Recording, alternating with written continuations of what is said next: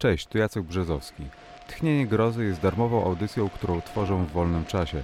Jeśli chcesz wesprzeć Tchnienie Grozy, wejdź na stronę patronite.pl ukośnik Tchnienie Grozy.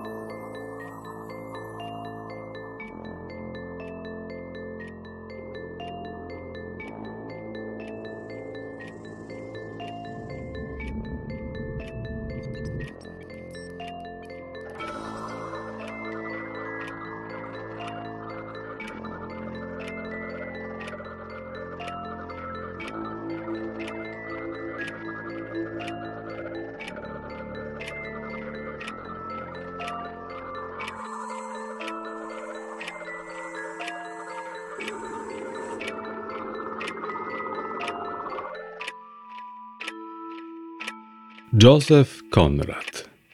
Gospoda pod dwiema wiedźmami. Znaleziony rękopis. Powiastkę tę, epizod czy zdarzenie, nazwijcie ją jak chcecie.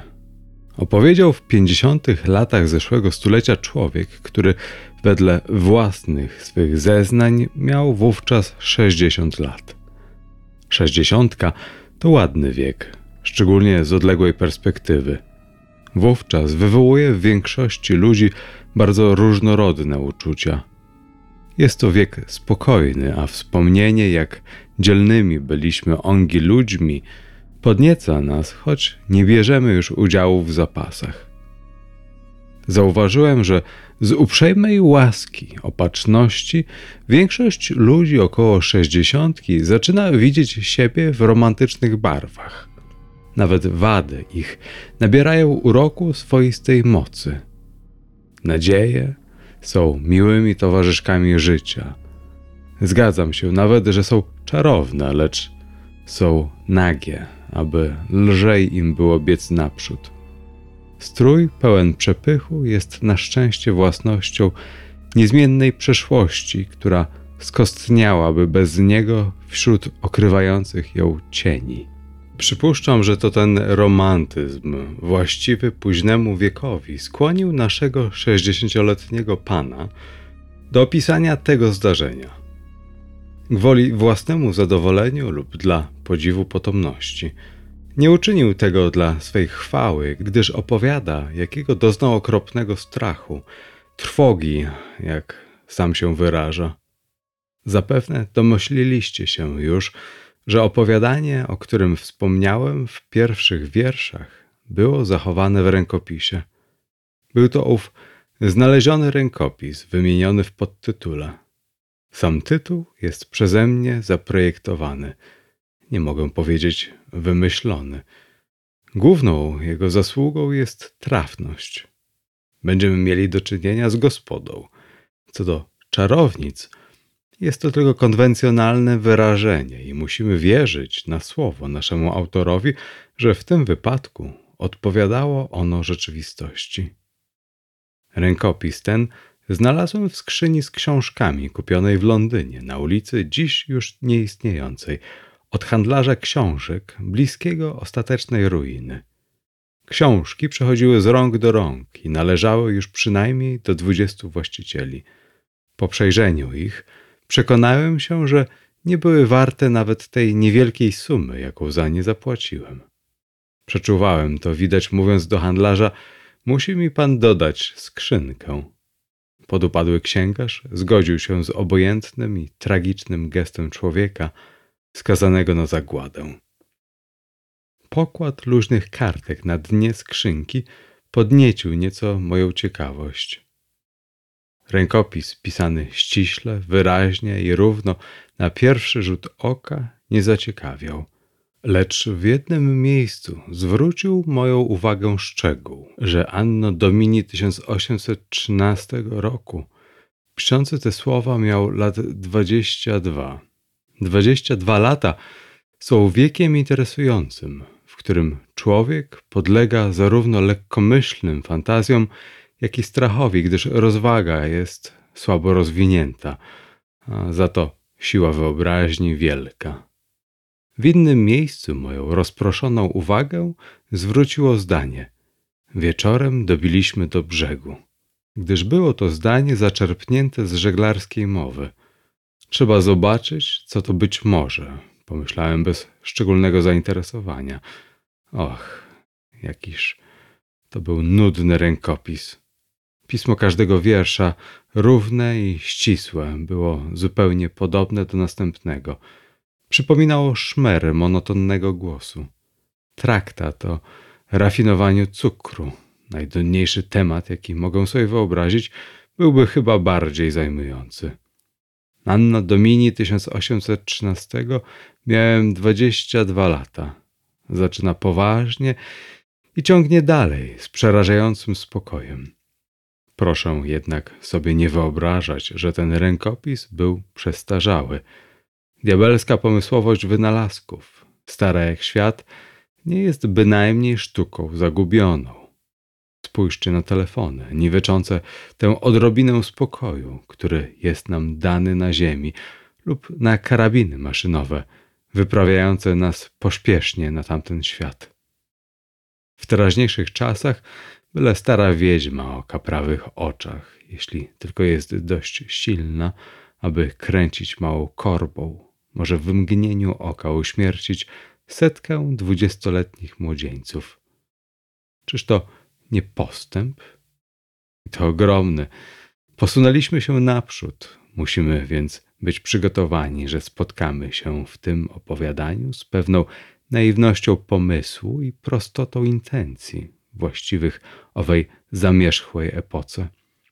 Naturalnie w obecnych czasach automobilista nie może się spodziewać, że znajdzie gdzie na świecie taką gospodę. Ta, o której mowa w tytule, znajdowała się w Hiszpanii. Wywnioskowałem to z treści opowiadania. Brakowało zresztą znacznej liczby kartek, co zapewne nie jest wielkim nieszczęściem. Zdaje się, że opowiadający wchodzi w najdokładniejsze szczegóły. Dlaczego i po co znalazł się na tym wybrzeżu? Prawdopodobnie było to północne wybrzeże Hiszpanii. Przygoda jego jednak nie miała żadnego związku z morzem. O ile mogłem wywnioskować, był on oficerem na korwecie. Nic w tym dziwnego. Przez cały przeciąg długotrwałej kampanii hiszpańskiej dość znaczna ilość naszych mniejszych statków wojennych krążyła wzdłuż północnych wybrzeży Hiszpanii. Łatwo można sobie wyobrazić, jakie to było niebezpieczne i nieprzyjemne stanowisko. Zdaje się, że statek owego oficera miał powierzone jakieś specjalne zadanie – można się było spodziewać po naszym autorze, że wyjaśni nam starannie wszelkie okoliczności, ale jak już wspomniałem, brakowało kilku kartek i to z dobrego, twardego papieru. Zostały zapewne zużyte przez lekceważącą potomność do zawiązania słoików z konfiturami lub na przybitki dla strzelb. Lecz mimo to można wywnioskować, że część zadania korwety stanowiła komunikacja z wybrzeżem, a nawet wysyłanie gońców w głąb lądu dla otrzymania wiadomości lub przesyłania rozkazów i rad patriotom hiszpańskim, guerillerosom lub tajnym juntom prowincjonalnym. W każdym razie było to coś w tym rodzaju, o ile można sądzić z zachowania strzępków tego szczegółowego opowiadania. Tu następuje panegiryk jakiegoś znakomitego marynarza należącego do załogi statku na stanowisku Retmana. Znany był na okręcie jako Tom Kubańczyk, bynajmniej nie dlatego, że pochodził z wysp Kuby. Był typowym angielskim marynarzem owych czasów i od lat służył na statku wojennym. Zyskał to przezwisko z powodu nadzwyczajnych przygód, jakich doświadczył w młodości na tej wyspie. Przygody te stanowiły ulubiony temat opowiadań, które zwykł był snuć wieczorami swym towarzyszom zgromadzonym na forkasztelu statku.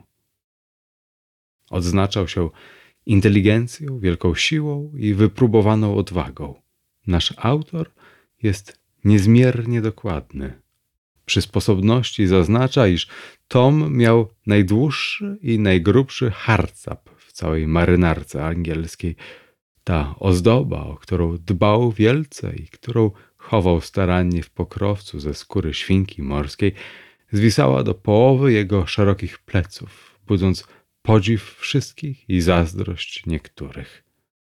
Nasz młody oficer rozwodzi się nad męskimi zaletami Toma z uczuciem zbliżonym do czułości. Tego rodzaju stosunek między oficerem a żołnierzem nie należał do rzadkości. Młodzieniec wstępujący na służbę oddawany bywał pod opiekę zaufanego marynarza. Nierzadko też powstawało między nimi coś w rodzaju przyjaźni. Nasz oficer po paru latach rozstania spotkał na korwecie tego marynarza. Jest coś wzruszającego w szczerym zadowoleniu, z jakim wspomina to spotkanie z człowiekiem, który był jego mentorem w latach chłopięcych.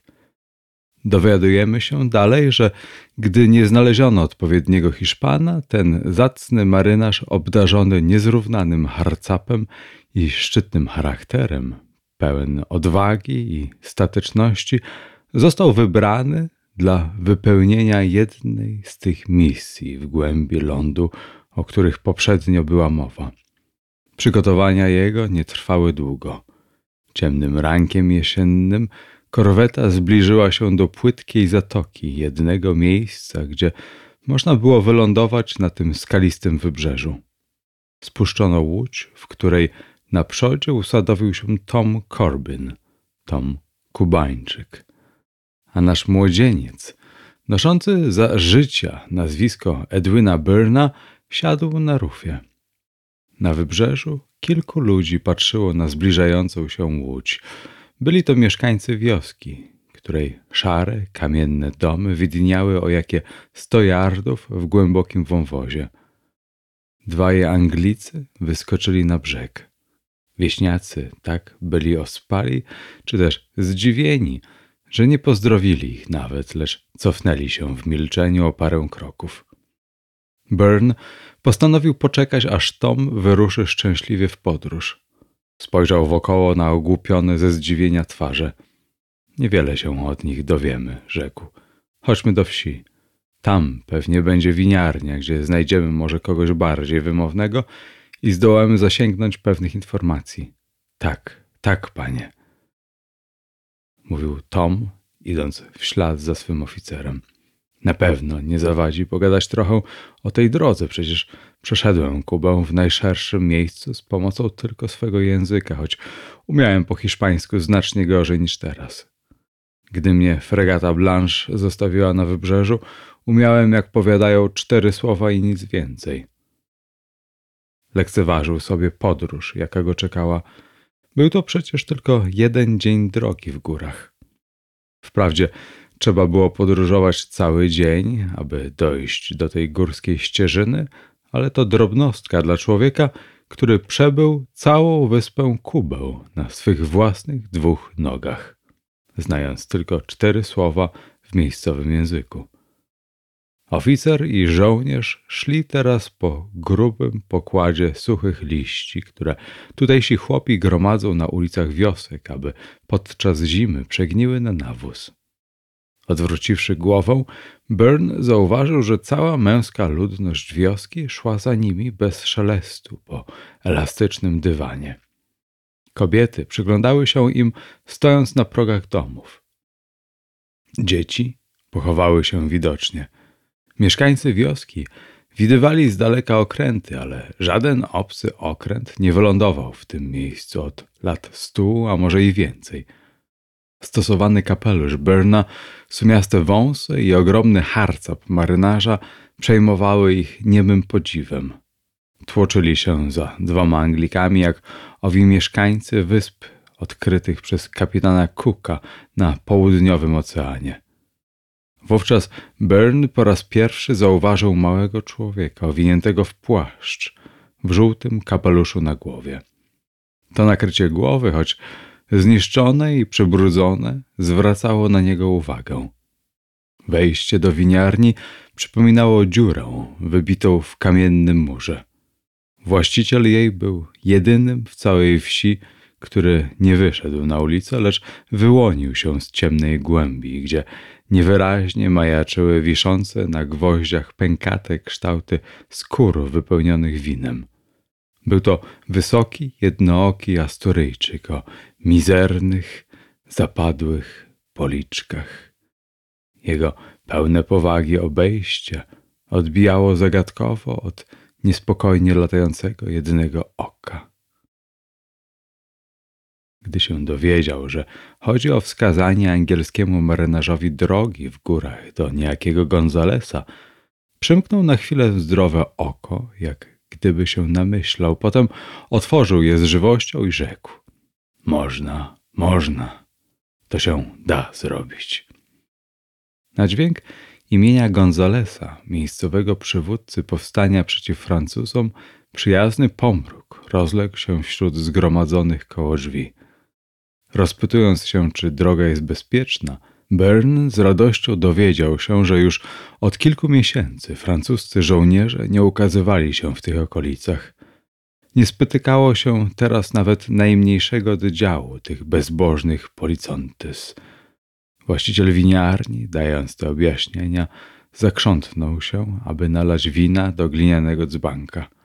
Postawił go przed heretyckim Anglikiem i zgarnął z niedbałością pełną powagi drobną monetę rzuconą na stół przez oficera w uznaniu obyczajowego prawa, że kto wchodzi do winiarni, ten musi kupić wina.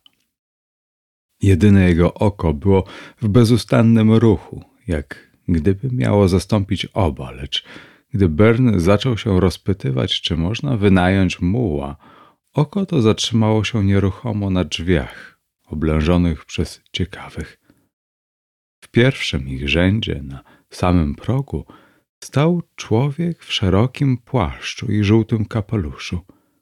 Była to maleńka osoba, istny homunculus. Byrne opisuje go stojącego w śmiesznie tajemniczej pozie z płaszczem zakrywającym usta i brodą, zarzuconym zawadiacko na lewe ramię. Żółty kapelusz o szerokich skrzydłach zwisał z boku jego kanciastej małej główki. Stał, zażywając często tabaki. Muła?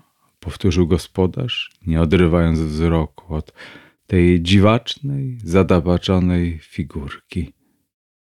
Nie, senior oficerze, nie znajdzie się muła w tej biednej wioszczynie. Redman, który przysłuchiwał się rozmowie ze zwykłą marynarza obojętnością na nowe otoczenie, przerwał ze spokojem. Niech wasza miłość mi wierzy, na taką wyprawę najlepiej wyruszyć wierzchem na podeszwach. Musiałbym i tak gdzieś tego muła po drodze zostawić, gdyż kapitan mówił mi, że większość drogi stanowią ścieżki dostępne tylko dla kus. Maleńki człowieczek zrobił krok naprzód i rzekł poprzez fałdę płaszcza, który zdawał się ukrywać szydercze jego zamysły. Tak jest, senior. Zbyt są uczciwi w tej wiosce, aby mieć na pańskie usługi choćby jednego muła. Mogą to zaświadczyć. W tych czasach muła lub inne czworonogie zwierzę i wszystko, co do ich utrzymania potrzebne, posiadać mogą tylko albo łajdacy, albo też bardzo mądrzy ludzie. Lecz temu dzielnemu marynarzowi przyda się przewodnik, którego wynajdzie wam mój szwagier, ten oto Bernardino, karczmasz i alkat najpobożniejszej i najgościnniejszej z wiosek. I tak też wypadło zrobić, jak pisze w swym opowiadaniu Byrne. Pogadawszy jeszcze trochę, przyprowadzono wreszcie chłopaka w podartym płaszczu i w spodniach z koźlej skóry. Angielski oficer poczęstował całą wieś i podczas gdy wieśniacy pili, wyruszył w drogę z Tomem Kubańczykiem. Towarzyszył im przewodnik. Maleńki człowieczek w płaszczu zniknął. Byrne odprowadził marynarza do końca wioski. Pragnął zobaczyć, jak wyruszał szczęśliwie w drogę i byłby poszedł z nim jeszcze dalej, lecz marynarz radził mu wracać, aby ani chwili dłużej nie zatrzymywać statku bez koniecznej potrzeby w pobliżu wybrzeża w taki niezachęcający poranek. Gdy się rozstawali, dzikie i pochmurne niebo zwisało nad ich głowami, a kamieniste pola i krzewy stanowiło ponure tło ich pożegnania. Za cztery dni. Takie były ostatnie słowa Byrna. Okręt przypłynie, jeśli tylko pogoda pozwoli. Łódź przybije do brzegu. Jeżeli nie będzie to możliwe, musisz sobie rodzić na lądzie, jak będziesz mógł, dopóki po ciebie nie przypłyniemy. Dobrze, niech tak będzie. Odparł Tom i ruszył w drogę. Burn widział go, wchodzącego na wąską ścieżynkę. W ciepłym kaftanie, z parą pistoletów za pasem, z kordelasem u boku i z grubym kijem w ręku, wyglądał na dzielnego człowieka, umiejącego dać sobie radę w niebezpieczeństwie. Odwrócił się na chwilę, aby przesłać ręką pożegnanie i Björn raz jeszcze dojrzał krzaczaste jego wąsy i zacnął twarz opaloną na brązowo. Chłopak w spodniach z koślej skóry, pnąc się na przedzie, wyglądał jak Byrne powiada na fauna lub młodego satyra. Zatrzymał się chwilę, czekając na marynarza i znów w podskokach ruszył dalej. Obaj zniknęli mu z oczu. Byrne zawrócił. Wioska była ukryta w zagłębieniu terenu, więc miejsce to zdawało się największą pustką na świecie miejscem przeklętym, smutnym i jałowym. Uszedł zaledwie parę yardów, gdy nagle za krzaka ukazała się maleńka postać Hiszpana w płaszczu. Bern zatrzymał się mimowoli. Tamten uczynił tajemniczy ruch rączką wyciągniętą spod płaszcza. Kapelusz miał przekrzywiony na bok. Senior, rzekł bez żadnego wstępu, Zwracam pańską uwagę na pewien fakt. Mój szwagier, jednooki Bernardino, ma w tej chwili w swojej stajni muła. A dlaczego on, który nie zalicza się do mądrych ludzi, posiada muła? Łajdakiem, człowiekiem bez sumienia. Musiałem mu oddać mojego maczo, aby zapewnić sobie dach nad głową i łyżkę oja dla utrzymania życia w tym marnym ciele. Bije w nim jednak serce, znacznie większe niż to, które kołacze się w piersi mego podłego krewniaka. Wstydzę się go po prostu. Opierałem się temu małżeństwu wszelkimi sposobami. Biedna, oszukana jego żona nacierpiała się dosyć. Przeszła męki czyśćcowe na tej ziemi. Niech Bóg ma jej duszę w swej opiece.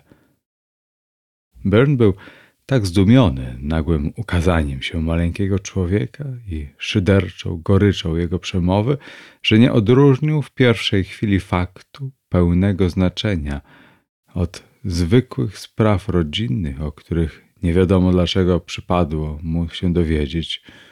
Był oszołomiony i zarazem zdumiony szybkością i siłą jego wymowy, zupełnie różną od napuszonej gadatliwości Włochów. Milczał zdziwiony, podczas gdy homunculus odrzucił płaszcz i zażył niesłychaną ilość tabaki.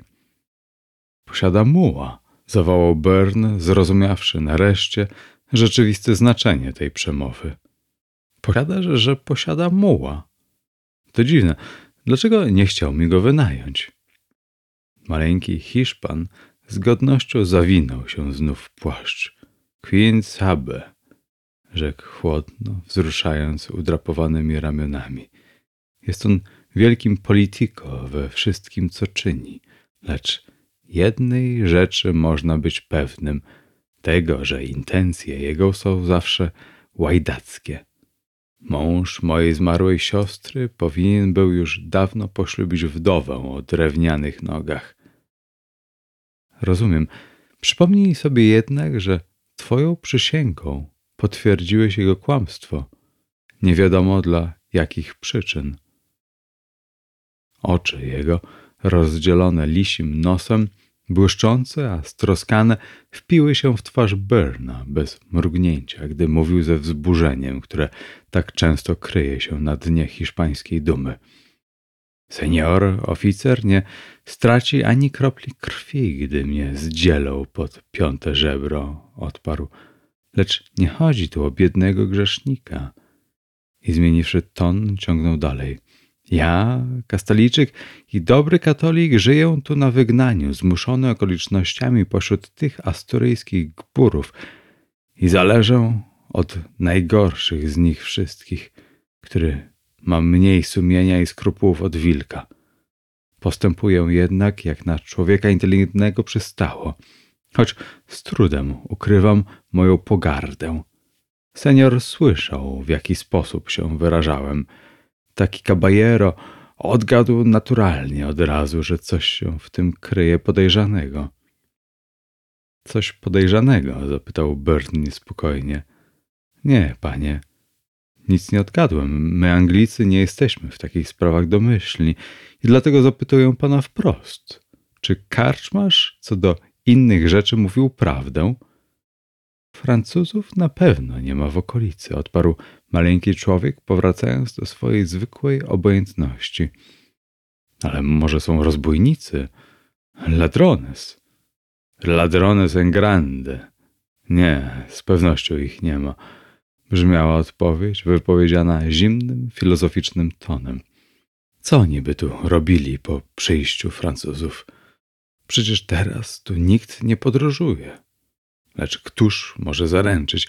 Złodzieja stwarza sposobność. Marynarz dzielnie wyglądał, a z synem kota myszy nie lubią się zadawać.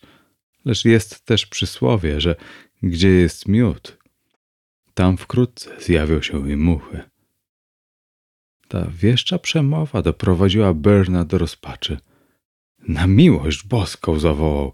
Powiedzcie mi, człowieku, czy mojemu Retmanowi grozi coś w tej podróży? Homunculus, jak zwykle, szybko zmieniając swe postępowanie, schwycił oficera za ramię. Siła tej małej ręki była zdumiewająca. Senior, Bernardino go zauważył. To wystarcza. Niech pan posłucha. Ludzie ginęli na tej drodze, a właściwie w pewnym punkcie tej drogi. Gdy Bernardino posiadał Messon, gospodę, a ja, jego szwagier, miałem do wynajęcia muły i pojazdy. Teraz nie ma ani podróżnych, ani pojazdów. Francuzi mnie zrujnowali. Bernardino po śmierci mojej siostry przeniósł się tutaj z powodów jemu tylko wiadomych. Zamęczyli ją na śmierć. On i dwie jego ciotki, Ermina i Lucilla. Wszyscy troje to rodzeństwo diabła.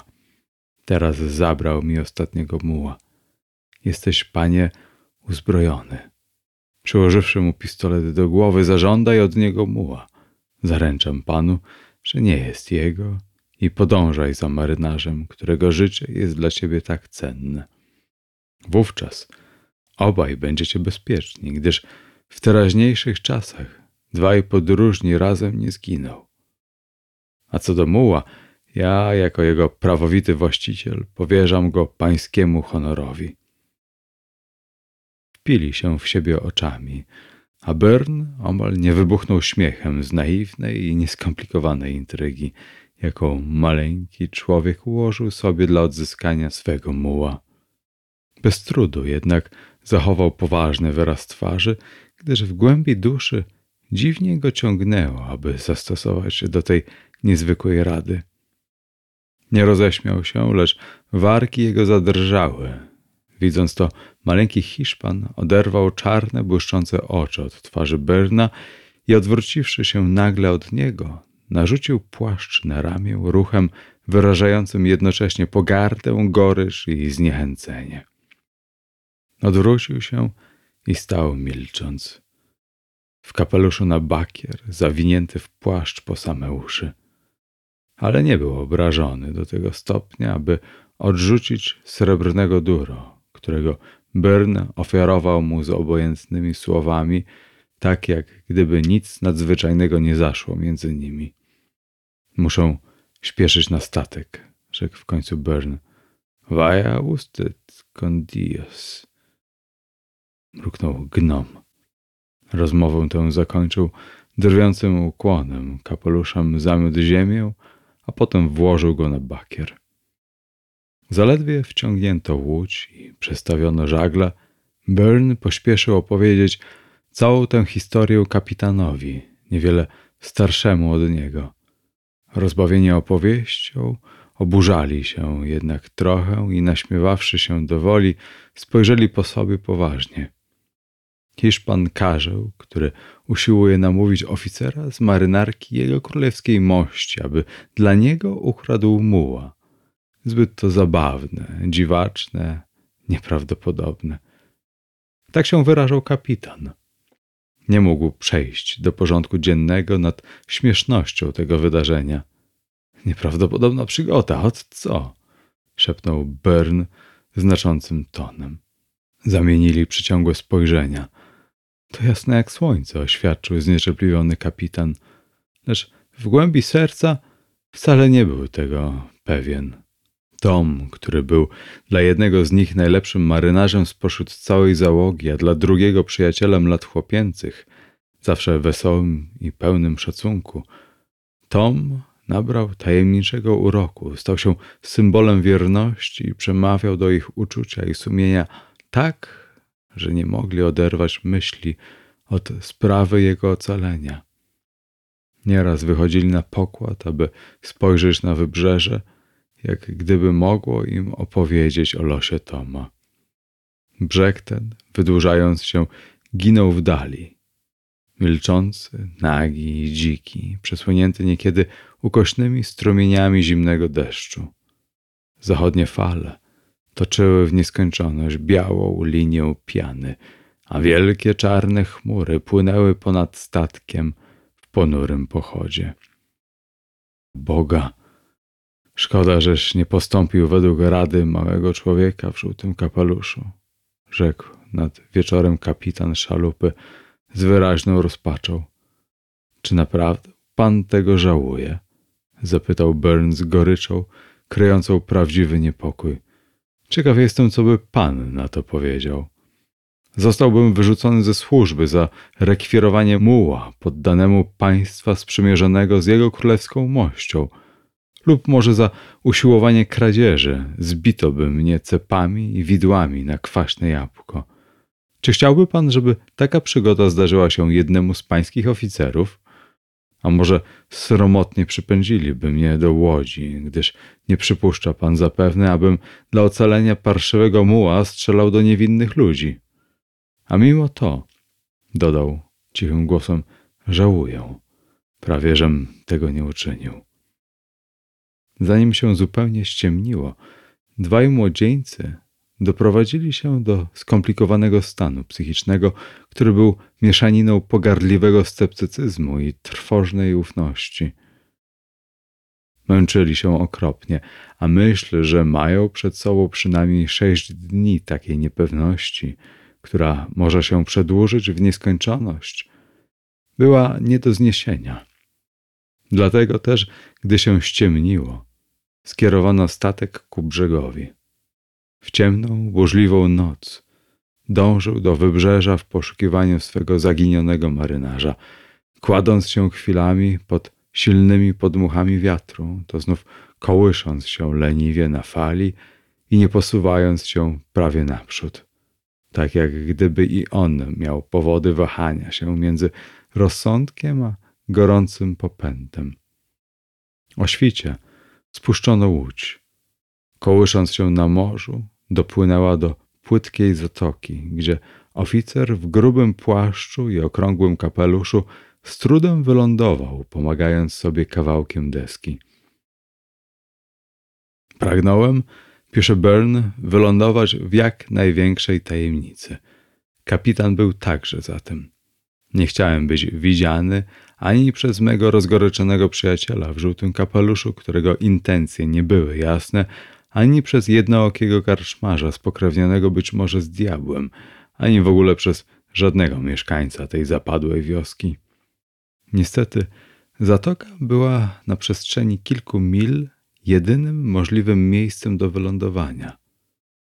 Strome zbocza wąwozu nie pozwalały ominąć wioski. Szczęściem, ciągnie dalej, wszyscy jej mieszkańcy jeszcze spali. Świtało zaledwie, gdy szedłem po grubym pokładzie liści przez jedyną ulicę wioski. Żywa dusza nie ukazała się na dworze, pies nawet nie zaszczekał. Cisza panowała głęboka. Pomyślałem więc ze zdziwieniem, że nie ma widocznie psów we wsi, gdy usłyszałem ciche warczenie i w wąskim przejściu między dwoma chałupami ukazało się mizerne psisko z podwiniętym ogonem. Przebiegło przede mną w milczeniu, wyszczerzywszy na mnie zęby i znikło tak niespodziewanie, jak gdyby było wcieleniem siły nieczystej. Byłem już tak podniecony, że niesamowite ukazanie się i zniknięcie tego wstrętnego stworzenia przygnębiło mnie do reszty. Miałem przeczucie grożącego nieszczęścia. Oddalił się od wybrzeża, jak mu się zdawało, niezauważony przez nikogo. I pośród jałowej, smutnej wyżyny, pod niebem ciemnym, jak popiół, borykał się odważnie z zachodnim wichrem i deszczem.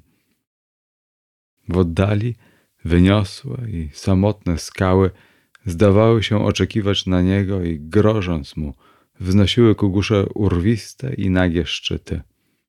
Wieczór zastał go w niewielkiej odległości od tych gór, lecz, jak mówią marynarze, na niepewnym stanowisku. W dodatku był głodny, przemoczony i zmordowany. Przez ten czas spotkał tylko parę osób, które nie potrafiły mu dać żadnej wskazówki co do losu Toma Corbina. Naprzód, naprzód, muszą iść dalej. Powtarzał sobie w czasie długich godzin samotnego wysiłku, podniecony raczej niepewnością niż jakąś określoną obawą lub nadzieją. Światło dzienne szybko dogasało, gdy znalazł się przed zerwanym mostem. Zeszedł w dolinę i przeskoczył wąski strumień przy ostatnim blasku dnia odbijającym się w wartkim prądzie. Gdy wydostał się na przeciwny brzeg, zapadająca noc zakryła mu oczy grubą zasłoną. Wycie wiatru, uderzającego w ciemnościach o zbocza skał, brzmiało mu w uszach jak ryk rozwścieczonego morza. Obawiał się, że zabłądził. Nawet we dnie trudno było odróżnić kamienistą drogę pełną wyboi i kałuży od ponurej pustki otaczającego ją bagna, usianego kępami obnażonych krzewów. Lecz jak się sam wyrażał, dążył naprzód, kierując się wiatrem. Z kapeluszem naciśniętym aż po same brwi, z głową opuszczoną, zatrzymując się od czasu do czasu ze zmęczenia raczej umysłowego niż fizycznego tak jak gdyby nie jego siły, lecz wytrzymałość była przeciążona bezcelowymi może wysiłkami. W czasie takiego odpoczynku zdawało mu się, że z bardzo daleka wiatr przyniósł słaby odgłos pukania w drzewo. Zauważył jednocześnie, iż wiatr uspokoił się nagle. Serce zabiło mu żywiej, Zaciążyła bowiem nad nim samotna pustka ostatnich kilku godzin. Miał wrażenie, że wędrował po bezludnym świecie. Gdy podniósł głowę, promień światła, może złudny, jak to się często zdarza w zupełnych ciemnościach, zamigał mu przed oczami.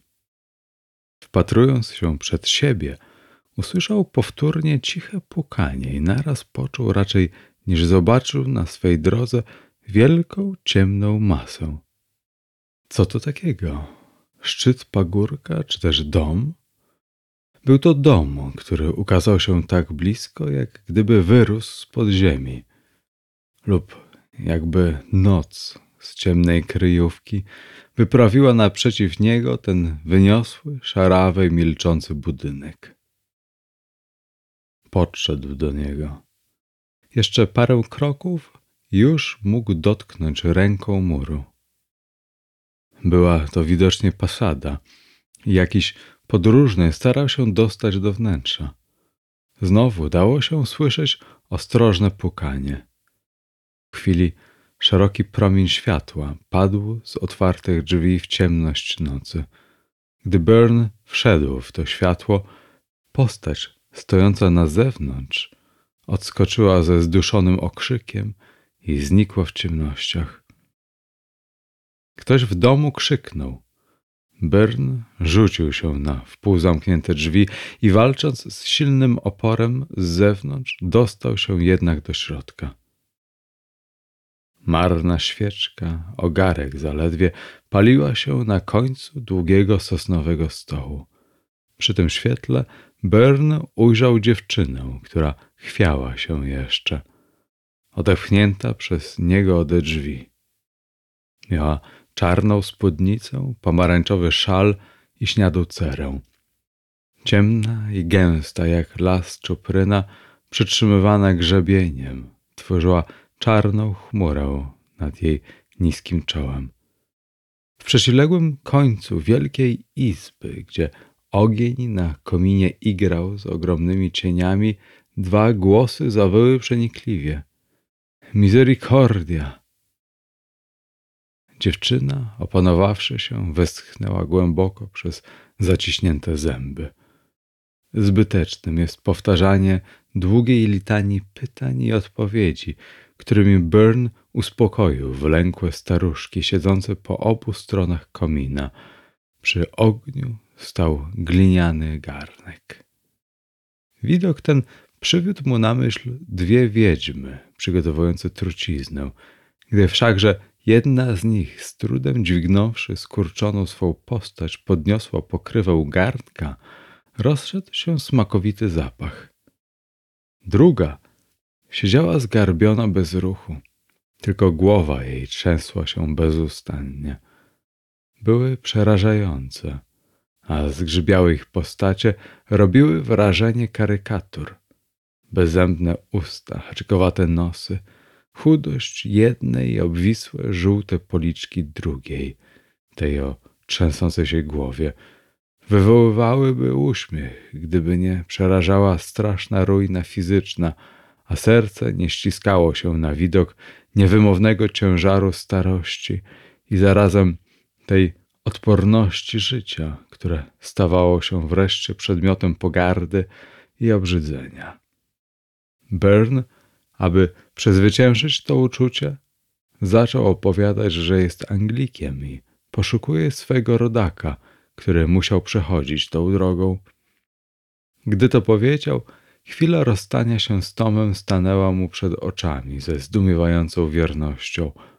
Ujrzał milczących wieśniaków, zgryźliwego karła, jednookiego karczmarza. Bez wątpienia te dwa straszydła to właśnie jego ciotki, siostrzyce diabła. Cokolwiek bądź zdarzyło się dawniej, nie można było sobie wyobrazić, na co by teraz diabłu zdały się na tym świecie takie dwie słabe istoty.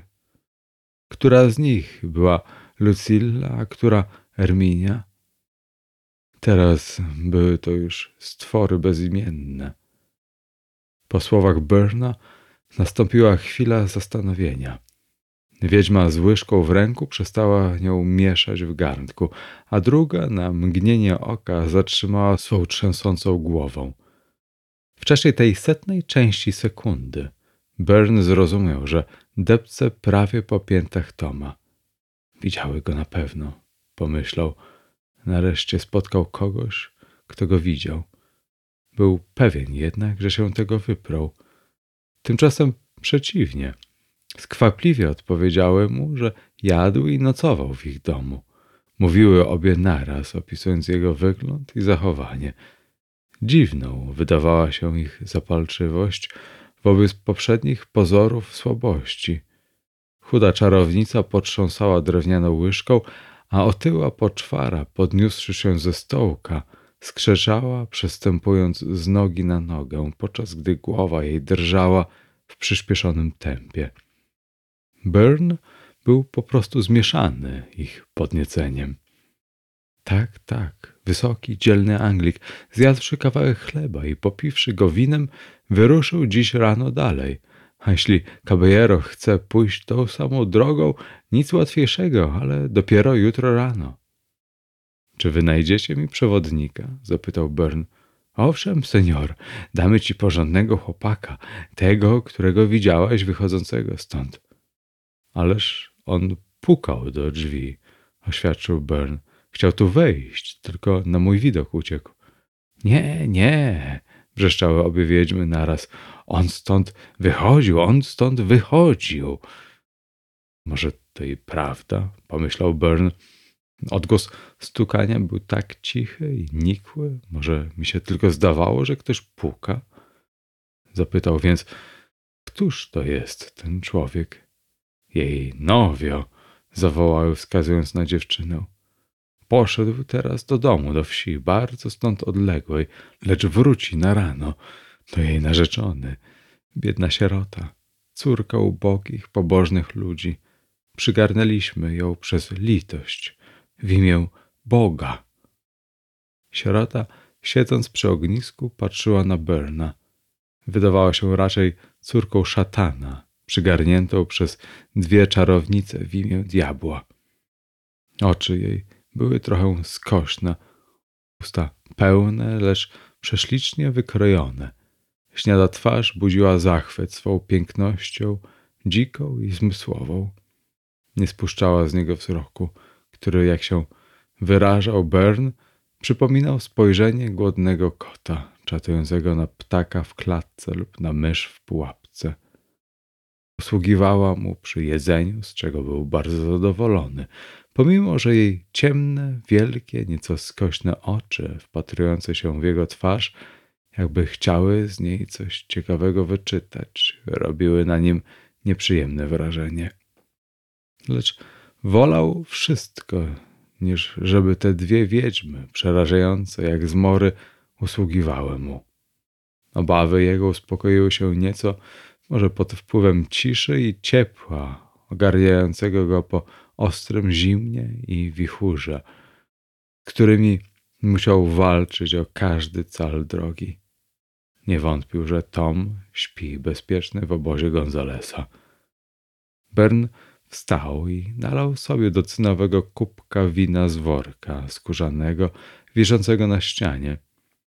Wiedźma z twarzą mumii zaczęła z nim rozmawiać, wspominając dawne dzieje.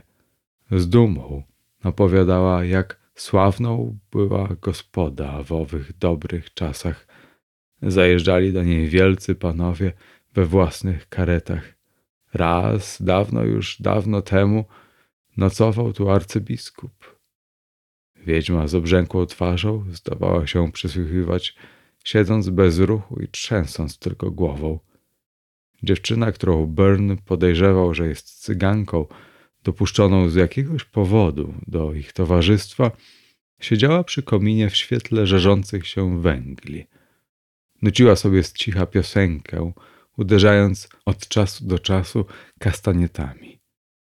Na wspomnienie biskupa parsknęła bezbożnie zduszonym śmiechem, a gdy zwróciła głowę, aby spojrzeć na Berna, w jej czarnych oczach i białych zębach błysnął czerwony odblask ognia. Uśmiechnął się do niej. Teraz czuł się bezpieczny i odpoczywał. Zjawił się tu niespodziewanie. Nikt więc nie uknął spisku na jego życie – Opanowała go rozkoszna senność. Zdawało mu się, że ją zwalcza skutecznie. Musiał się jednak zdrzemnąć, gdyż ocknął się nagle na piekielny hałas i tak przeraźliwe piski, jakich w życiu swoim nie słyszał. To stare wiedźmy kłóciły się tak zażarcie, teraz już wymyślały sobie, nie bawiąc się w argumenty. Starcze ich krzyki wyrażały tylko złość, najokropniejszą wściekłość. Cygańskie czarne źrenice dziewczyny biegały od jednej do drugiej. Nigdy przedtem Bern nie czuł się tak obcy względem istot ludzkich. Zanim zdążył zrozumieć przyczynę kłótni, dziewczyna zerwała się i uderzyła głośniej w kastaniety. Wiedźmy umilkły, a ona zbliżywszy się, pochyliła się nad stołem i patrząc w oczy Berna, rzekła zdecydowanym tonem: Pan przenocuje w pokoju arcybiskupa. Czarownice nie zaprotestowały. Chuda, zgarbiwszy się we dwoje, podparła się na kiju, na tłusta, na szczudle. Bern wstał, zbliżył się do drzwi i przekręciwszy klucz w ogromnym zamku, z zimną krwią schował go do kieszeni. Było to najwidoczniej jedyne wejście, a Bern nie chciał być zaskoczony przez jakiekolwiek niebezpieczeństwo, które czaiło się może za drzwiami. Gdy się odwrócił, obie wiedźmy, siostrzyce diabła i szatańska dziewczyna, przyglądały mu się w milczeniu. Był ciekaw, czy też Tom Corbin poprzedniego wieczoru zastosował te same środki ostrożności. Myśląc o nim, doznawał znów dziwnego uczucia, że Tom jest w pobliżu. Cisza panowała wokoło. Słyszał tylko, jak krew pulsuje mu w uszach, a w tym szumie głos Toma zdawał się powtarzać: Panie, miej się na baczności. Zadrżał. Złudzenia słuchowe są najbardziej zbliżone do rzeczywistości i z natury swej mają pozory prawdy. Był prawie pewien, że Tom znajduje się w tym domu. Znów zdradziecki dreszcz przeszł na wylot jego ciało, jak gdyby zimny powiew przeniknął pod ubraniem. Z trudem otrząsnął się z przykrego wrażenia. Dziewczyna poprowadziła go po schodach, niosąc żelazną lampę. Od jej płomienia unosił się w górę cienki słup dymu. Dziewczyna miała na nogach białe pończochy, bardzo dziurawe. Byrne z tym samym spokojem, z jakim zamknął na klucz drzwi na dole, otwierał kolejno wszystkie drzwi wychodzące na korytarz. Pokoje były puste. W jednym tylko czy dwóch stało parę jakichś gratów. Dziewczyna, zrozumiawszy o co chodzi, zatrzymywała się cierpliwie przy każdych drzwiach i oświetlała wnętrze, podnosząc do góry kopcącą lampę. Jednocześnie zaś śledziła go z uwagą. Ostatnie drzwi otworzyła sama. Senior będzie nocował tutaj, zaszeptała głosem cichym jak oddech dziecka i podała mu lampę, którą wziął, mówiąc uprzejmie: Buenas noches, seniorita. Nie odpowiedziała mu głośno, choć wargi jej poruszyły się z lekka, nie spuszczała jednak z niego ani na chwilę oczu ciemnych, jak bezgwiezdna noc. Wszedł do pokoju i gdy odwrócił się, aby zamknąć drzwi, stała tam jeszcze zmieszana i bez ruchu. W skośnych jej oczach i zmysłowych ustach czaił się wyraz wyczekującego okrucieństwa. Tak patrzy kot, któremu udało się złapać mysz. Zawahał się chwilę i w ciszy milczącego domu usłyszał znów głos Toma. W szumie krwi gwałtownie pulsującej mu w uszach, tym razem złudzenie to przestraszyło go, gdyż nie mógł zrozumieć, co mu ten poważny głos mówił. Zatrzasnął drzwi przed nosem dziewczyny, zostawiając ją w ciemnościach i prawie natychmiast otworzył je z powrotem. Nie było już nikogo. Zniknęła bez najmniejszego szmeru. Zamknął je szybko i zasunął dwa ciężkie rygle. Nagle zrodziły się w nim podejrzenia. Czemu stare wiedźmy kłóciły się? Czy ma nocować w tym pokoju? Dlaczego dziewczyna wpatrywała się w niego, jak by chciała zapamiętać twarz jego na wieki? Niepokoiło go własne jego zdenerwowanie. Miał uczucie, że jest niesłychanie oddalony od całej ludzkości. Rozejrzał się po pokoju, który nie był bardzo wysoki, dostatecznie jednak, aby się w nim zmieściło łóżko pod ogromnym baldachimem z ciężkimi zasłonami opadającymi aż do samej ziemi. Łoże to było zaiste godne arcybiskupa. Stał także w pokoju ciężki, rzeźbiony stół, parę wielkich foteli. Wszystko to robiło wrażenie, jakby pochodziło z ograbionego pałacu grandów. Pod ścianą stała wysoka, a płytka szafa o podwójnych drzwiach. Pociągnął za nie, lecz były zamknięte. Chwycił lampę, aby je dokładniej obejrzeć, gdyż zbudziły się w nim pewne podejrzenia. Okazało się jednak, że to nie jest ukryte wejście. Ciężka, wysoka szafa stała najwyraźniej o jakiś cal od ściany. Spojrzał na zasuwę przy drzwiach. Nie, nikt go nie może zdradziecko we śnie zaskoczyć. Lecz czy będzie mógł zasnąć? Pytał się z niepokojem. Gdybyż Tom był z nim. Wierny marynarz uczył go ostrożności, walcząc obok niego w niejednej zażartej bitwie. To nie sztuka, powtarzał, dać się zabić w gorącej walce. Byle głupiec to potrafi. Godziwą rozrywką jest prać Francuzów, ale nie dać się zabić, bo nazajutrz trzeba bić ich dalej. Bern z trudnością przezwyciężył chęć wsłuchiwania się w ciszę. Był pewien, że nic jej nie przerwie, aż nagle usłyszał znów upiorny głos Toma. Słyszał go już poprzednio dwukrotnie. Starał się jednak rozumować rozsądnie, że nic w tym nie ma dziwnego, bo od trzydziestu przeszło godzin wciąż o nim myślał i co gorzej, z myśli tych nie mógł wysnuć żadnych wniosków.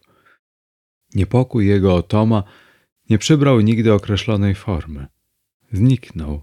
Oto jedyne słowo, którym można było wyrazić to, co się stało z Tomem.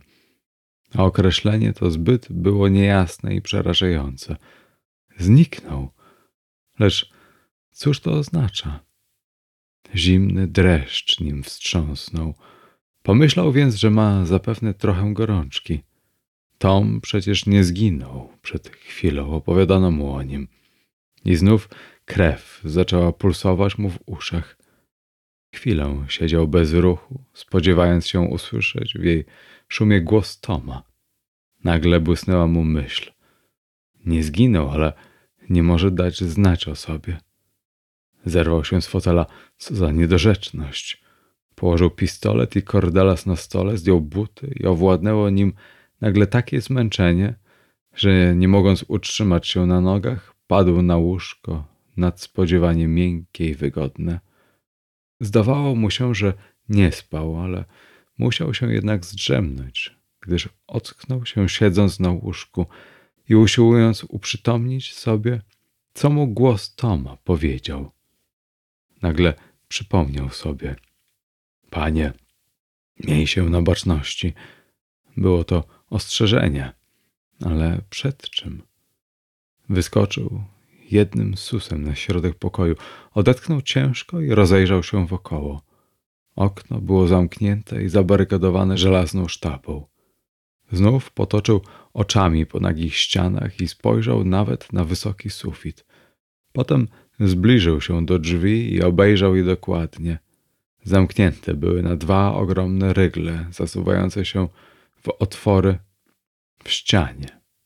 Drzwi można by chyba otworzyć, wysadziwszy je prochem, gdyż korytarz był za wąski, aby zamachnąć się siekierą lub użyć jakich innych narzędzi do wyważenia.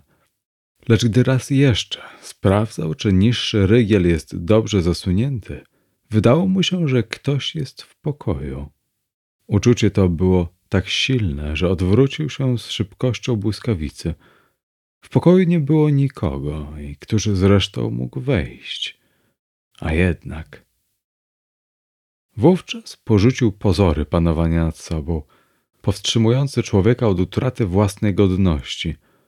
Postawiwszy lampę na podłodze, ukląkł i zajrzał pod łóżko jak głupi podlotek. Zobaczył tam tylko mnóstwo kurzu i nic więcej.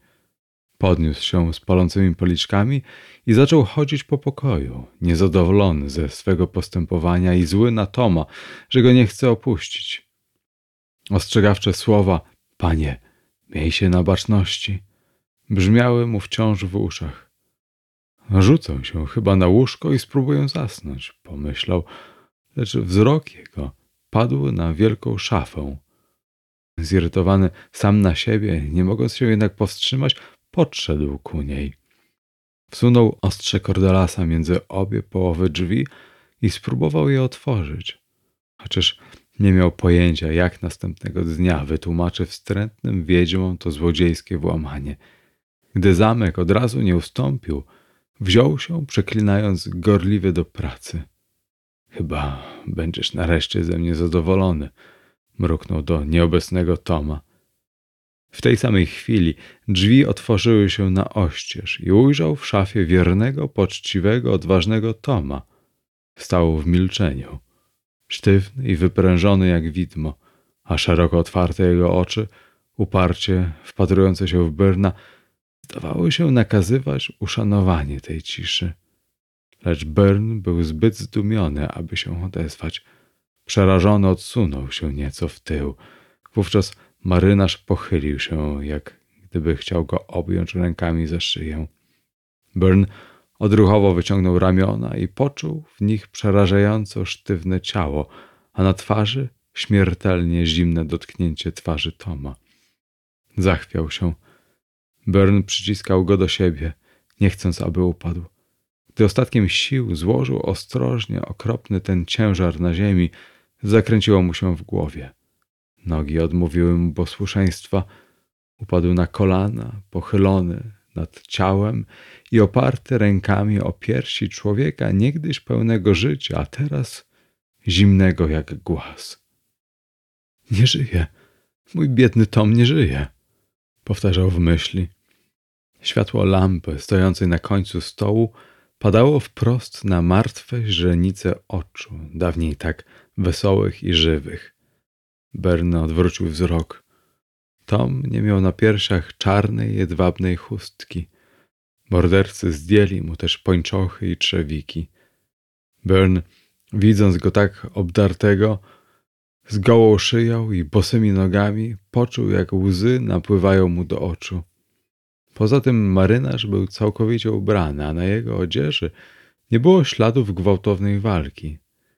W jednym tylko miejscu kraciasta jego koszula była nieco wyciągnięta z zapasa, ale tyle tylko, aby się przekonać, czy nie ma trzosa z pieniędzmi. Byrn zaczął łkać, ukrywszy twarze w chustce. Był to tylko objaw zdenerwowania, który szybko minął. Klęcząc, wpatrywał się ze smutkiem w atletyczną postać marynarza, najdzielniejszego spośród tych, którzy kiedykolwiek nosili kordelas, nabijali strzelby lub refowali żagle. Leżał zimny i sztywny, a duch jego, pogodny i nieustraszony, powrócił być może do swego młodego przyjaciela i do statku kołyszącego się na siwej fali w pobliżu skalistego wybrzeża, może nawet w chwili, gdy wybrzeże to opuszczali. Zauważył, że mosiężne guziki przy kurtce Toma zostały odcięte. Otrząsnął się, wyobraziwszy sobie dwie nędzne i wstrętne wiedźmy, obdzierające bezbronne ciało przyjaciela. Odrzynały, może tym samym nożem, którym jedna z głową trzęsącą, druga zgarbiona. Oczy ich czerwone i kaprawe, a wstrętne ręce jak szpony drżą nad trupem. Byrne był pewien, że działo się to w tym samym pokoju, gdyż Tom nie mógł być zabity na dworze, a potem dopiero wniesiony do środka. Te dwie stare baby nie zdołałyby go zabić, nawet gdyby go zaskoczyły niespodziewanie. Tom miał się przecież na baczności, był przecież sprytny i ostrożny, szczególnie w wypełnianiu jakiegoś polecenia. Ale jak go zamordowali? Kto? Jakim sposobem? Bern zerwał się, chwycił lampę ze stołu i szybko pochylił się nad ciałem. Na ubraniu nie było jednak ani plamy, ani jakiegokolwiek śladu krwi. Ręce drżały mu tak silnie, że musiał postawić lampę na ziemi i odwrócił głowę, aby się uspokoić. Po chwili obejrzał dokładnie zimne, nieruchome i sztywne ciało, w nadziei, że odkryje na nim ranę od sztyletu, postrzału lub ślad śmiertelnego uderzenia. Niespokojnie oglądał czaszkę, lecz była cała. Wymacał ręką szyję, lecz kręgi były nienaruszone. Przerażonymi oczami obejrzał gardło. Nie znalazł jednak na nim śladów uduszenia. Nie było nigdzie oznak morderstwa. Po prostu Tom nie żył. Byrne odruchowo odsunął się od ciała, jak gdyby śmierć, tajemnicza i niewyjaśniona, przemieniła jego litość w podejrzliwość i trwogę. Lampa stojąca niedaleko na podłodze oświetlała twarz marynarza, zwróconą ku górze z wyrazem rozpaczy. W kręgu światła Byrne dojrzał na podłodze grube pokłady kurzu, świadczące, że walka nie mogła odbyć się w tym pokoju. Zginął nie w tym pokoju, pomyślał. Tak, bez wątpienia, tajemnicza śmierć musiała zaskoczyć biednego, drogiego Toma w wąskim korytarzu, gdzie zaledwie można się było obrócić. Byrna opuściła nagle ochota wypaść z pokoju z pistoletami w ręku. Tom był uzbrojony w równie bezsilną broń jak on, parę pistoletów i kordelas i zginął nieznaną śmiercią z niezrozumiałych powodów. Nagle Byrnowi błysnęła nowa myśl. Nieznajomy, który stukał do drzwi, a uciekł na jego widok tak pośpiesznie, przyszedł zapewne usunąć zwłoki. I to był przewodnik, który wedle przyrzeczenia chudej wiedźmy miał wskazać Anglikowi najkrótszą drogę do marynarza. Przyrzeczenie, jak się teraz przekonał, wielkiej wagi. Ten, który pukał do drzwi, miał zabrać ze sobą nie jedno, lecz dwa ciała. Marynarz i oficer wymaszerowaliby razem z gospody. Byrne był teraz zupełnie pewien, że umrze, nim ranek zaświta w ten sam tajemniczy sposób. Pozostaną po nim jedynie nietknięte zwłoki. Widok roztrzaskanej głowy, podarżniętego gardła lub rozwartej rany od postrzału byłby mu sprawił wielką ulgę i uspokoił wszystkie obawy. Dusza jego wołała do tego trupa, który go za życia nigdy nie opuścił w niebezpieczeństwie. Czemuś mi nie powiedział Tomie, czego się mam strzec? Czemuś mi nie powiedział? Lecz on leżał na wznak nieruchomy i sztywny, pogrążony w wyniosłym milczeniu.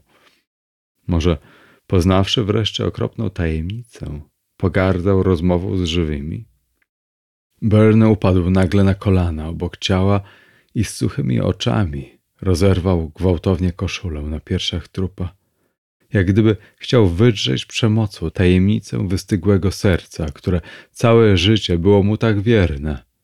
Ale nic nie znalazł, nic. Podniósł lampę do góry i na jej twarzy, tak łagodnej za życia, zauważył niewielki znak, maleńki guz na czole. Skóra nawet nie była przecięta. Przyglądał mu się długo, jakby pogrążony w okropnym śnie. Potem zauważył, że ręce Toma były zaciśnięte, jakby padł w walce na pięści. Przy bliższym przyjrzeniu się dojrzał, że skóra na kostkach obu rąk była starta.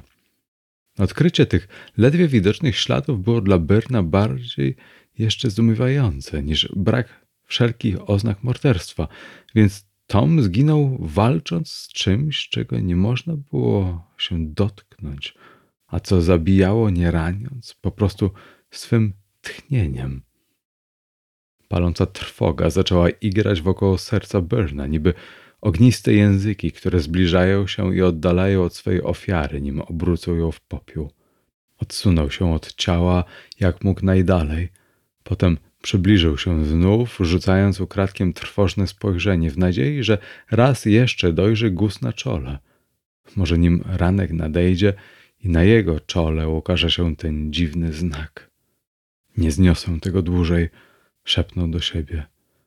Tom był teraz dla niego przedmiotem budzącym grozę, widokiem, który go pociągał, ale jednocześnie wzmagał jego trwogę. Nie mógł po prostu patrzeć na niego. Wreszcie rozpacz wzięła w nim górę nad trwogą. Oderwał się od ściany, o którą się opierał i schwyciwszy trupa pod ramiona, począł go wlec do łóżka. Bose pięty marynarza ciągnęły się bez szelestu po podłodze. Trup był ciężki, ciężarem przedmiotów martwych. Ostatnim wysiłkiem Byrne wyciągnął go twarzą ku dołowi na brzeg łóżka, wtoczył go nań i wyciągnąwszy spod tej ciężkiej, nieruchomej masy prześcieradło, przykrył go nim. Wreszcie zaciągnął zasłony z obu stron łóżka, tak że spotkawszy się, skryły go zupełnie przed wzrokiem Berna. Chwiejnym krokiem zbliżył się do krzesła i padł na nie. Pot spływał mu po twarzy.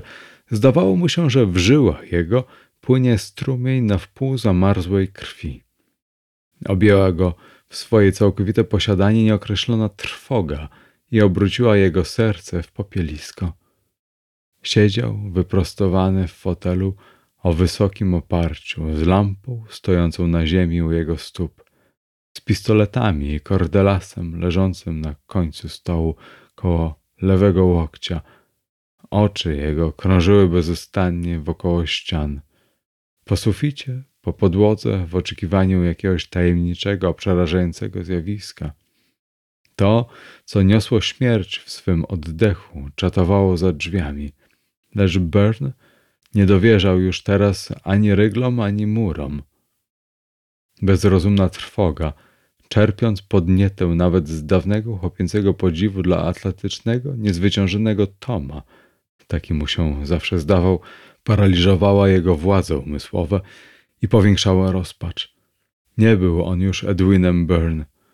Pozostała zań tylko cierpiąca dusza, pogrążona w mękach, jakich nigdy jeszcze żadne grzeszne ciało nie doświadczyło. Głębię jego cierpień można dopiero ocenić, dowiedziawszy się, że ten młodzieniec, stosunkowo dość odważny, rozważył zamiar wypalenia sobie w głowę z pistoletu. Lecz owładnęła nim śmiertelna, chłodna bezsilność. Miał uczucie, że ciało jego jest jak wilgotny gips, tężejący na żebrach. Za chwilę, pomyślał, wejdą tu te dwie wiedźmy. Jedna opierać się będzie na kuli, druga na lasce. Przerażające, potworne, niesamowite siostrzyce diabła wejdą aby naznaczyć jego czoło maleńkim znakiem śmierci, a on nie będzie mógł się bronić. Tom przed śmiercią walczył, lecz on nie dorównywał mu. Już teraz jego ramiona i nogi były jak martwe. Siedział bez ruchu, umierając ze strachu na samą myśl o takiej śmierci. Poruszał jedynie oczami, które krążąc bezustannie w oczodołach, obiegały ściany, podłogę, sufit, aż wreszcie zatrzymały się nagle i wyskakujące prawie z orbit, wpatrzyły się w łóżko kamiennym wzrokiem. Ujrzał, że ciężkie zasłony poruszyły się, jak gdyby trup, którego zasłaniały, obrócił się na łożu i usiadł na nim. Burn, nie przypuszczając, żeby na świecie istniały rzeczy bardziej jeszcze przerażające niż te, które przeżył, Poczuł, jak mu włosy stają dęba. Chwycił się za poręcze fotela, szczęki mu opadły, pot spłynął aż na brwi, a wyschnięty język przylgnął nagle do podniebienia. Zasłony poruszyły się ponownie, lecz nie rozsunęły się jeszcze.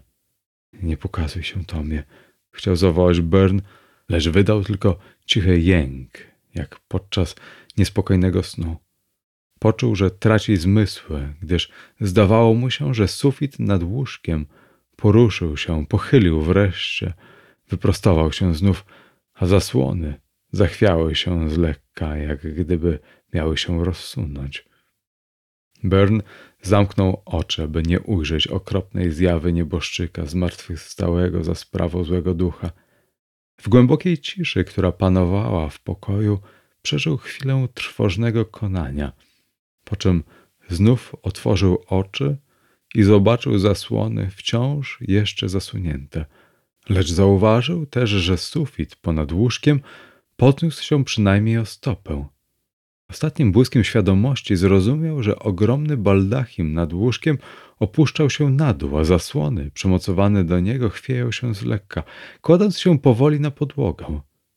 Zamknął opadające szczęki i na wpół wyprostowany w fotelu przyglądał się, jak potworny baldachim opuszcza się nagłymi ruchami, aż do połowy mniej więcej wysokości, po czym raptownie spadło na łóżko i przykrył je jakby skorupą ogromnego żółwia. Drzewo tylko parokrotnie z lekka trzasnęło i zapanowała w pokoju niezmierna cisza. Byrne powstał i głęboko odetchnąwszy, wydał okrzyk wściekłości i zgrozy. Był to pierwszy głos, jaki wydał w czasie tej przerażającej nocy. Oto, jakiej śmierci uniknął, oto, przed jaką diabelską sztuczką dusza biednego Toma z tamtego nawet świata usiłowała go ostrzec. Nie ma wątpliwości, że Tom zginął w taki właśnie sposób. Byrne był pewien, że naprawdę słyszał słaby głos marynarza wymawiający zwykłą swą formułką: Panie, miej się na baczności. Inne jeszcze niezrozumiałe słowa. Odległość między żywymi a umarłymi jest przecież tak wielka. Biedny Tom usiłował go jednak ostrzec.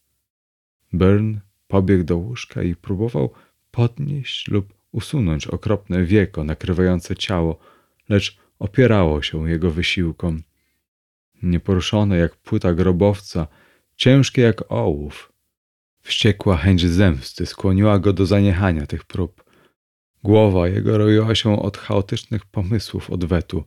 Bełkocząc okropne pogróżki, biegał wokoło pokoju, jakby nie mógł znaleźć ani broni, ani wyjścia. Gwałtowne kołatanie do drzwi gospody otrzeźwiło go nieco. Rzucił się do okna, otworzył okienicę i wyjrzał na dwór. W słabym brzasku świtającego dnia ujrzał na dole tłum ludzi. Ha! Pójdzie stanąć w walce z tymi mordercami, zebranymi tu bez wątpienia, by go zgładzić. Po walce z nieznanym mordercą marzył o otwartej bitwie z uzbrojonym nieprzyjacielem. Lecz widocznie niezupełnie jeszcze odzyskał przytomność gdyż zapominając o broni, zbiegł po schodach z dzikim okrzykiem. Odryglował drzwi, do których dobijano się jeszcze ciągle z zewnątrz, otworzył je na oścież i z gołymi rękami rzucił się na gardła pierwszego człowieka, jaki się przed nim znalazł. Przewrócili się obaj. Byrne miał mglisty zamiar przedrzeć się przez napastników, uciec górską ścieżką i powrócić wkrótce z ludźmi Gonzalesa dla wywarcia przykładnej zemsty. Walczył zawzięcie, dopóki na głowę jego nie spadło coś na kształt drzewa, domu czy też skały, po czym nic już nie pamiętał. Tu Byrne opowiada nam szczegółowo, jak odzyskał przytomność, z głową starannie już obandażowaną. Informuje, ile stracił krwi i opisuje, jak wówczas go pielęgnowano. Nie żałuje też pochwał Gonzalesowi, on to bowiem, nie mogąc się doczekać wiadomości od Anglików, z połową swej bandy wstąpił do gospody po drodze na wybrzeże morskie. Wasza ekscelencja, tłumaczył się, wypadł z taką gwałtownością, a że nie znaliśmy go, więc i tak dalej. Gdy go zapytano, co się stało z czarownicami, wskazał tylko milcząc palcem na ziemię i głosem spokojnym wypowiedział uwagę moralną – Namiętność do złota jest w starości bezlitosna. Z pewnością już przedtem ułożyły do snu wiecznego w arcybiskupim łożu wielu samotnych podróżnych. W gospodzie była także młoda cyganka, rzekł Byrne słabym głosem, leżąc na noszach niesionych do wybrzeża morskiego przez oddziały guerrillerosów. Ona to właśnie manewrowała tą piekielną maszyną i dzisiejszej nocy ona też ją opuszczała, brzmiała odpowiedź. Ale dlaczego? Dlaczego pragnęła mej śmierci? zawołał Bern. Zapewne dla zdobycia mosiężnych guzików z kurtki waszej ekscelencji, rzekł uprzejmie, poważny Gonzales. Znaleźliśmy przy niej guziki zamordowanego marynarza. Lecz wasza ekscelencja może być spokojny. Uczyniliśmy z nią wszystko, co było konieczne w danych okolicznościach. Byrne nie pytał już więcej. Jeszcze jedną śmierć Gonzales uznał za konieczną w danych okolicznościach. Jednooki Bernardino, postawiony pod ścianą swej winiarni, dostał w same piersi sześć ładunków ze skopetas. Gdy rozległy się te strzały, garść hiszpańskich patriotów – wyglądających na bandytów, niosła prostą trumnę ze zwłokami Toma przez dolinę ku wybrzeżu, gdzie dwie łodzie spuszczone ze statku oczekiwały na ziemskie szczątki najlepszego z marynarzy. Byrne, bardzo blady i słaby, wsiadł do łodzi, w której złożone były zwłoki zacnego przyjaciela, gdyż postanowiono pochować Toma Corbina daleko w Zatoce Biskajskiej. Oficer ujął ster i spojrzawszy po raz ostatni na wybrzeże, ujrzał na szarym zboczu pagórka poruszającą się postać, w której rozpoznał siedzącego na mule małego człowieka w żółtym kapeluszu. Gdyby nie sprawa tego muła, los Toma Corbina pozostałby nieznany na wieki. Przełożyła Teresa Tatarkiewicz. Czytał Jacek Brzezowski.